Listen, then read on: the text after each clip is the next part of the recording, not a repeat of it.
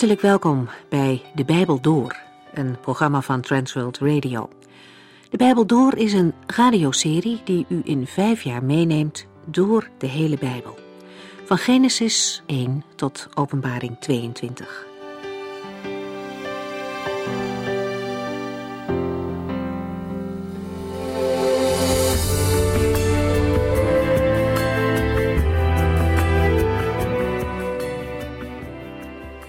We zijn bezig in de geschiedenis van David en Saul, zoals beschreven in het eerste boek Samuel. We waren gebleven bij hoofdstuk 20 en 21. Saul is vastbesloten om David te doden. Hij kan er niet meer tegen om te zien dat God aan Davids kant is en niet aan zijn kant, ook al is dat het gevolg van zijn eigen keuzes. Het lukt Saul echter niet om David kwijt te raken. In hoofdstuk 20 maken David en Jonathan een plan om de bedoelingen van Saul te achterhalen. En in die gebeurtenis wordt opnieuw duidelijk waar de trouw van Jonathan ligt. Ook al is hij kroonprins, hij is loyaal aan de man die door God is gekozen om koning te worden. Jonathan doet er alles aan om David te helpen. Het kost hem zelfs bijna zijn eigen leven als hij Saul vraagt waarom hij nou toch eigenlijk David wil vermoorden. En daardoor wordt het voor Jonathan wel duidelijk hoezeer het zijn vader Menes is. Hij waarschuwt David dan ook en neemt afscheid met deze woorden. Laten we de moed niet verliezen, want we hebben elkaar en onze kinderen in Gods handen gelegd. Het zijn mooie woorden die we ook nu nog mogen gebruiken als afscheid nemen verdriet doet. En dan begint de vlucht van David voor Saul. Hij krijgt de heilige broden van de priester in Nop als hij honger heeft en ook het zwaard van Goliath. En dan vlucht David weg naar de koning van Gad. David was tot koning gezalfd, maar in die eerste periode raakt zijn koningschap steeds verder uit het zicht. Natuurlijk, David had Goliath verslagen en hij had aanzien onder het volk, maar daarna is zijn leven toch vooral gericht op het vluchten voor Saul. Hij loopt steeds groot gevaar. Het is een heel ander bestaan dan toen hij herder was bij zijn vader. Maar juist ook in deze moeilijke tijd is geloofsvertrouwen het sleutelwoord in Davids leven. Dat lezen we ook in verschillende psalmen. En voor nu 1 Samuel, hoofdstuk 22 en 23.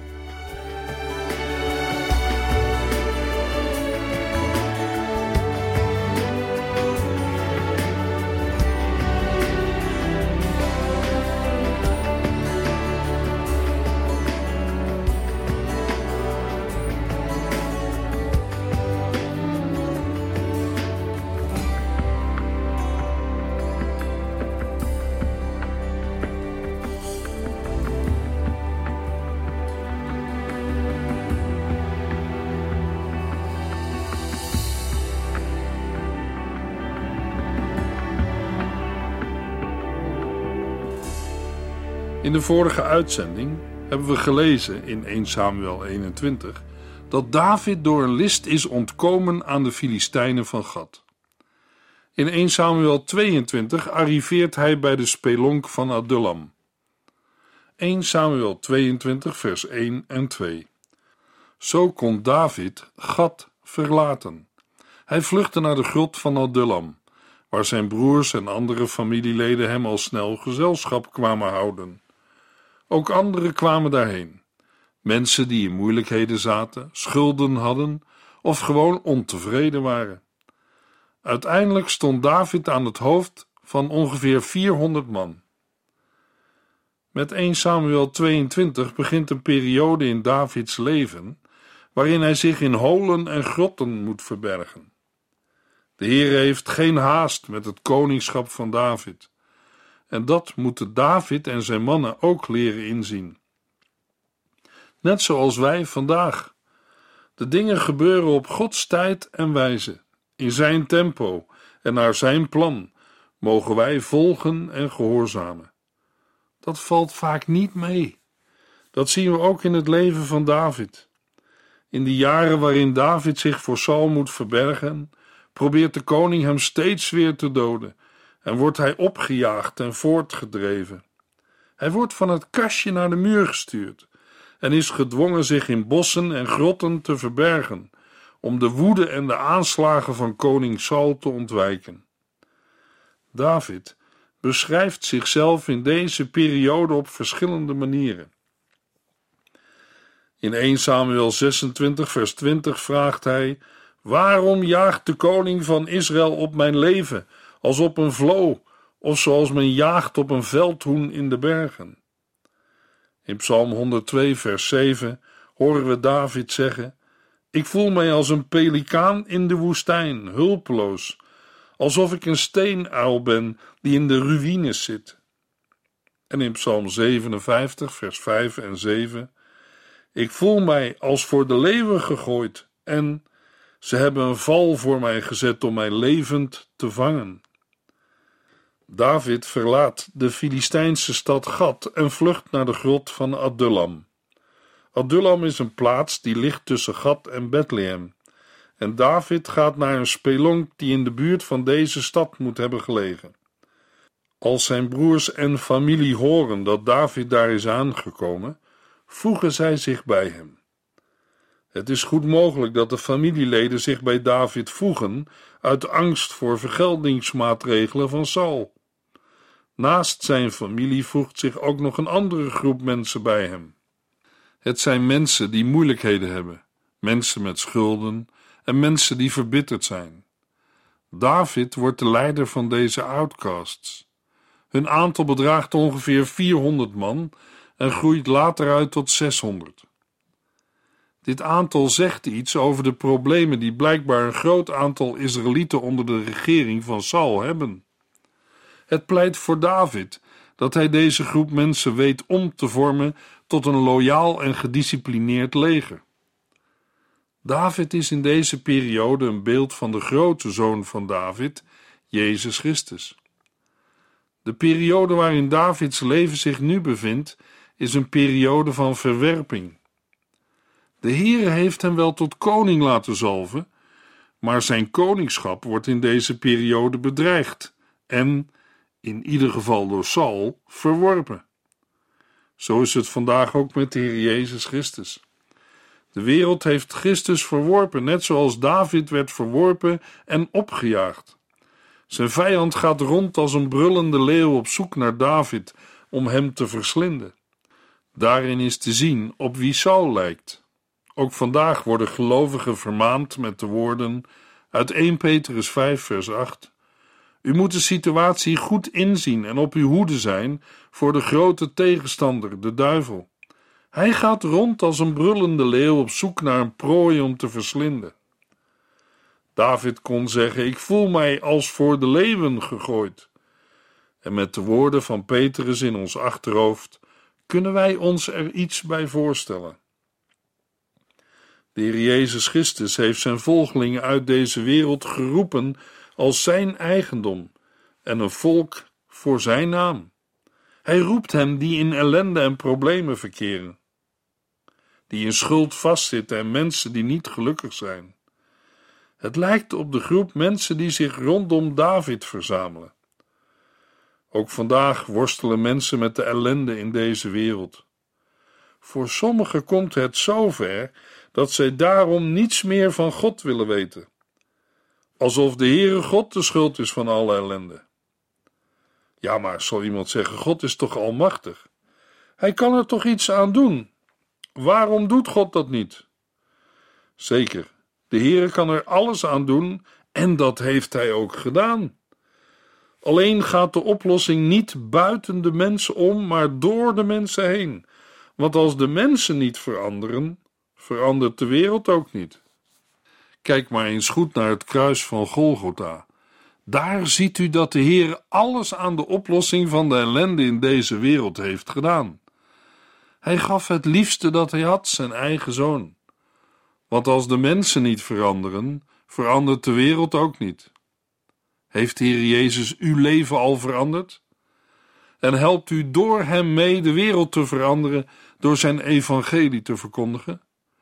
Zonder de Heer Jezus blijft alles bij het oude en is een nieuw en ander leven niet mogelijk. Ja, maar waar komt al die ellende in de wereld dan vandaan? Nou, niet van de Heere God. Dat kunt u onder andere zien in de Hof van Eden. In de tijd dat Adam en Eva in harmonie leefden met God. De ellende is door een verkeerde keuze van de mens gekomen. Een keuze tegen het uitdrukkelijke bevel van de Heer. Daardoor kwam de mensheid midden in de donkerheid van de dood terecht. U kunt de Heere God niet de schuld geven van de ellende in deze wereld, want dan verdraait u de feiten. Als een prachtig gebouw kapot wordt geschoten, is dat dan de schuld van de architect? Nee, daarvoor heeft de architect het niet ontworpen. Zo is het ook met de schepping van God. De Heer heeft zijn schepping niet gegeven om voor eeuwig in de ellende onder te gaan. Daarom pakt hij de oorzaak van de ellende aan: de mensen, u, jij en ik. Door zijn zoon Jezus Christus is er verandering mogelijk. Daarom geloof in de Heer Jezus Christus en u zult behouden worden. Jezus zegt in Matthäus 11, vers 28: Als de lasten u drukken en u vermoeid bent, kom dan bij mij. Ik zal u rust geven. En ook, als u dorst hebt, kom dan bij mij om te drinken.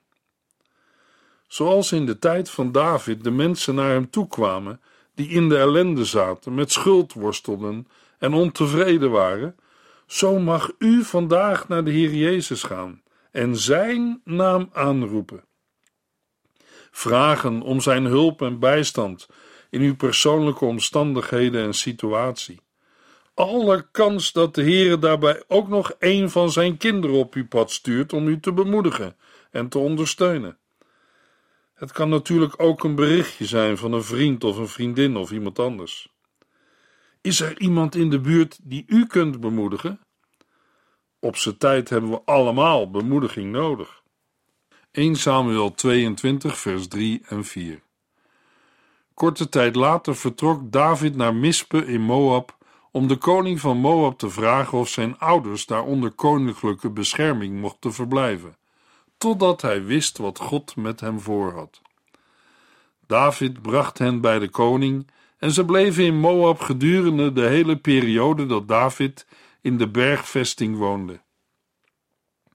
David wil zijn ouders niet blootstellen aan zijn riskante schuilplaats en gaat naar de koning van Moab in Mispe. Een reden waarom de koning onderdak verschaft aan de ouders van David kan liggen aan de familiebanden, Rut 4. Een andere reden kan zijn dat vijanden van de Israëlieten graag opstandige groepen bij hun vijand steunen. Dat gebeurt later ook in 1 Samuel 27 bij de Filistijnen. 1 Samuel 22 vers 5 tot en met 8. Op een dag vertelde de profeet Gad aan David dat hij de bergvesting moest verlaten om terug te keren naar Juda. David deed dat en trok naar het woud van Geret. Saul hoorde al gauw waar David en zijn mannen zich hadden verscholen. Hij was op dat moment in Gibea en zat onder een eik met zijn speer in de hand, omringd door zijn officieren. Luister, mannen van Benjamin, riep Saul toen hij het nieuws had gehoord. Heeft ook David uw akkers, wijngaarden en hoge rangen in zijn leger aangeboden? Daarom snap ik niet dat u tegen mij bent. Want niet één van u heeft mij ooit verteld dat mijn eigen zoon een verbond met David heeft gesloten. U voelt zelfs niet met mij mee. Denk u eens in, mijn eigen zoon moedigt David aan hier te komen en een greep naar de macht te doen. David wordt geleid door een profetenwoord, dat hem terugbrengt in het land waar hij koning zal worden. De Heere stimuleert hem tot daadkrachtig optreden en behoedt hem voor vluchtgedrag. David is, ook in de zorg voor zijn ouders, voorzichtig en afhankelijk van de Heere God. Het toneel verplaatst zich in vers 6 naar Saul. Hij zit met een speer in de hand onder een eik, een tamarisk, op een heuvel in Gibea, waar hij al zijn officieren om zich heen heeft verzameld. In zelfmedelijden en zelfrechtvaardiging zegt hij dat zijn zoon Jonathan niet loyaal aan hem is. Jonathan heeft immers een verbond met David gesloten. Daarbij verwijt Saul zijn officieren dat ze hem dat niet hebben verteld. In de gespannen stilte die volgt na de woorden van Saul, geeft een van de aanwezigen antwoord. Het is de Edomiet Doeg. Hij was in de tabernakel toen David er ook was. 1 Samuel 22, vers 9 tot en met 11. Toen nam de Edomiet Doeg, die bij Sauls mannen stond, het woord en zei: Toen ik in Nob was, heb ik David zien praten met de priester Achimelech. Achimelech vroeg de Heer om raad over wat David moest doen, en daarna gaf hij hem voedsel en het zwaard van de Filistijn Goliath. Daarop ontbood koning Saul onmiddellijk Achimelech en zijn hele familie en de andere priesters uit Nob. Doeg vertelt dat Abimelech David brood en het zwaard van Goliath heeft gegeven. Daarnaast vertelt hij iets dat niet is genoemd in 1 Samuel 21, namelijk dat Achimelech de Heere raadpleegde voor David. Nadat Saul het bericht van Doeg heeft gehoord, laat hij Achimelech en zijn familieleden, de priesters van Nob, bij zich komen. Vervolgens verschijnen ze allemaal voor de koning. Er wordt een soort rechtszitting gehouden. 1 Samuel 22, vers 12 tot en met 14. Toen zij aankwamen, zei Saul tegen hem: Luister eens goed naar mij, zoon van Agitub. Wat is er aan de hand? vroeg de angstige Achimelech. Waarom hebben u en David tegen mij samengezworen? wilde Saul weten. Waarom hebt u hem voedsel en een zwaard gegeven en voor hem met God gepraat? Waarom hebt u hem aangemoedigd tegen mij in opstand te komen en mij hier aan te vallen? Maar koning, wierp Achimelech tegen, er is toch zeker niemand onder al uw dienaren die zo trouw is als David? Hij is uw schoonzoon en het hoofd van uw lijfwacht. Wie mag zo vertrouwelijk met u omgaan en geniet zoveel aanzien aan uw hof? Dit was toch zeker niet de eerste keer dat ik God voor hem om raad heb gevraagd. Het is niet eerlijk als u mij en mijn familie hiervan beschuldigt, want ik heb nooit iets geweten van enige samenzwering tegen u. In zijn antwoord geeft Achimelech er blijk van dat hij destijds niet wist wat er fout was aan David. Hij geeft aan dat hij David altijd heeft gezien als iemand die een hoog aanzien stond en aan wie hij gehoorzaamheid verschuldigd was. Hierbij wijst Achimelech op een vijftal argumenten. David wordt aangeduid als dienaar van de koning. Hij is trouw. Hij is de schoonzoon van de koning. Hij is het hoofd van de lijfwacht en hij geniet veel aanzien aan het hof. Het was voor Achimelech onmogelijk vast te stellen dat een vooraanstaand man als David een complot smedde tegen koning Saul. Daarnaast stelt Achimelech de retorische vraag dat het toch niet de eerste keer was dat hij de Heere raadpleegde ten behoeve van David. De zaak is geheel duidelijk. Achimelech wist niets van de situatie af en kan er daarom ook niet verantwoordelijk voor worden gesteld. 1 Samuel 22, vers 15 tot en met 17. Koning Saul schreeuwde: U zult sterven, Achimelech, samen met uw hele familie. Hij beval zijn lijfwachten: Dood deze priesters, want ze zijn bondgenoten van David. Zij wisten dat hij voor mij op de vlucht was, maar hebben het mij niet verteld. De soldaten weigerden echter de priesters van de Here te doden. Ondanks de sterke argumenten spreekt Saul het oordeel uit dat Achimelech en zijn familie moeten sterven. Als reden voor de executie geeft Saul aan dat zij handlangers van David zijn. Onmiskenbaar spreekt hier een paranoïde man die zijn omgeving ervaart als een ernstige bedreiging. De laatste beschuldiging geldt de priesters. Zij wisten dat David op de vlucht was en stelden Saul niet op de hoogte. Maar de soldaten weigerden de priesters van de Here te doden. In zijn woede geeft Saul Doeg het bevel om het vuile werk voor hem uit te voeren. 1 Samuel 22, vers 18 en 19. Toen wendde de koning zich tot Doeg en zei: Doet u het maar. Doeg liep op hen af en doodde de 85 priesters, die allemaal de linnen priesterkleding droegen. Saul liet ook Nop verwoesten, de stad van de priesters, en doodde hun gezinnen, mannen, vrouwen, kinderen en baby's, en ook ossen, ezels en schapen. Het was een verschrikkelijk bevel en een afschuwelijke daad. De verbittering en wraak van Saul is vreselijk. Verbittering is iets waarvoor een mens op zijn of haar hoede moet zijn. In Hebreeën 12, vers 15 staat: Let erop dat niemand van u de genade van God aan zich voorbij laat gaan. Er mag geen verbittering onder u komen, want als dat gebeurt, zullen velen erdoor aangestoken worden en zijn de gevolgen niet te overzien. Sal verdrinkt in zelfmedelijden. Tegen zijn naaste medewerkers zegt hij: Ik heb jullie hoge rangen in het leger gegeven. Jullie voelen niet met mij mee. Ik snap niet dat jullie tegen mij zijn. Dan koelt hij zijn woede op de priesters van de Here en laat hij 85 priesters vermoorden, inclusief hun gezinnen en verwoest de stad waar ze woonden. 1 Samuel 22 vers 20 Alleen Abjatar, een van de zonen van Achimelech, wist te ontkomen en vluchtte naar David. Het treffende is dat Saul en Doeg hier handelen in overeenstemming met de voltrekking van de ban, zoals aan een Canaanitische of afgodische stad voltrokken moest worden, maar die hier in het geheel niet van toepassing is.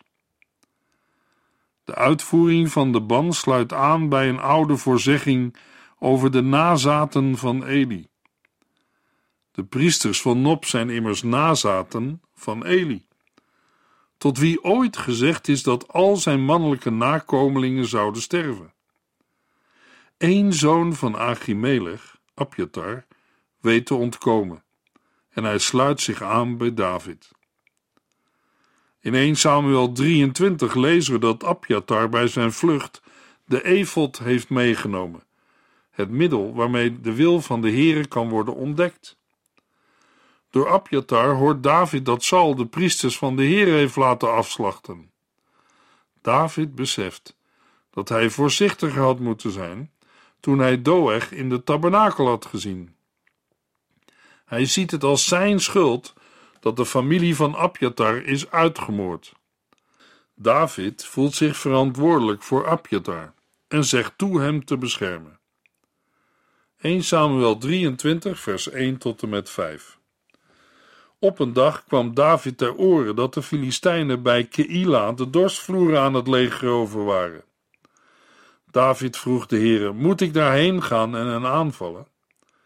Ja, bevrijd Keila van de Filistijnen, was het antwoord van de heren. Maar Davids mannen zeiden, zelfs hier in Juda voelen we ons niet veilig. Moeten wij dan wel naar Keila gaan en daar het hele Filistijnse leger bestrijden? Opnieuw vroeg David de Heer om raad en hij antwoordde: Ga naar Keila, want ik zal u helpen de Filistijnen te verslaan. Zo trokken zij toch naar Keila. Ze richtten een slachting aan onder de Filistijnen en joegen al hun vee weg. Op die manier werden de inwoners van Keila gered. Als David hoort dat de Filistijnen de oogst van de stad Keila aan het roven zijn, wil hij van de Heere weten of hij in actie moet komen. De stad Keila ligt vijf kilometer ten zuiden van Adullam. Als Saul hoort dat David en zijn mannen in de ommuurde stad Keila is, stuurt hij direct zijn leger heen om de stad, inclusief David en zijn mannen, te omsingelen. Wat moet David nu doen? Zullen de mannen van Keila hem aan Saul uitleveren? David vraagt de Heere wat hij moet doen. De antwoorden van de heren zijn duidelijk. David moet zo snel mogelijk uit Keila weg om aan Saul te ontsnappen. 1 Samuel 23, vers 13 tot en met 18. Saul kwam al gauw te weten dat David was ontsnapt en besloot daarom niet naar Keila op te trekken. David vestigde zich toen in de bergvestingen van het heuvelgebied van de woestijn van Sif. In het woud van Goreza ontving David op een dag de boodschap dat Saul op weg was naar Sif om hem op te sporen. Dagen achtereen achtervolgde Saul hem, maar de Heer liet niet toe dat hij David vond. Ondertussen ging Jonathan erop uit om David te zoeken. Hij ontmoette hem bij Goreza en bemoedigde hem in zijn geloof in God. Wees niet bang, verzekerde Jonathan hem nog een keer. Mijn vader zal je nooit vinden. Jij zult koning van Israël worden en ik zal onder je staan. Iets dat mijn vader heel goed weet. Zo vernielden zij hun vriendschapsband. David bleef bij Goreza, terwijl Jonathan terugkeerde naar huis. Steeds wordt David geplaagd door verraders, ook nu. 1 Samuel 23, vers 19. De mannen van Zif gingen echter naar Saul in Gibea en verraden David. Wij weten waar hij zich verbergt, zeiden zij. Hij zit bij ons in de bergvestingen van Goreza, op de heuvel van Gagilla, in het zuidelijke deel van de woestijn. De situatie wordt kritiek en het begint erop te lijken dat Saul David te pakken krijgt. 1 Samuel 23, vers 26. Toen Saul en zijn mannen hem begonnen in te sluiten, probeerde David weg te vluchten. Precies op dat moment kreeg Saul echter te horen dat de Filistijnen Israël weer waren binnengevallen. Saul gaf daarom de achtervolging op en keerde terug om de strijd aan te binden met de Filistijnen. Sinds die tijd wordt de plaats waar David zijn kamp had, Sela Ham Machlekot, rots van de scheiding genoemd. Zo redde de Heer ook deze keer het leven van David en zijn mannen. In de volgende uitzending lezen we 1 Samuel 24 en 25. Hoe het verder gaat met David en Saul.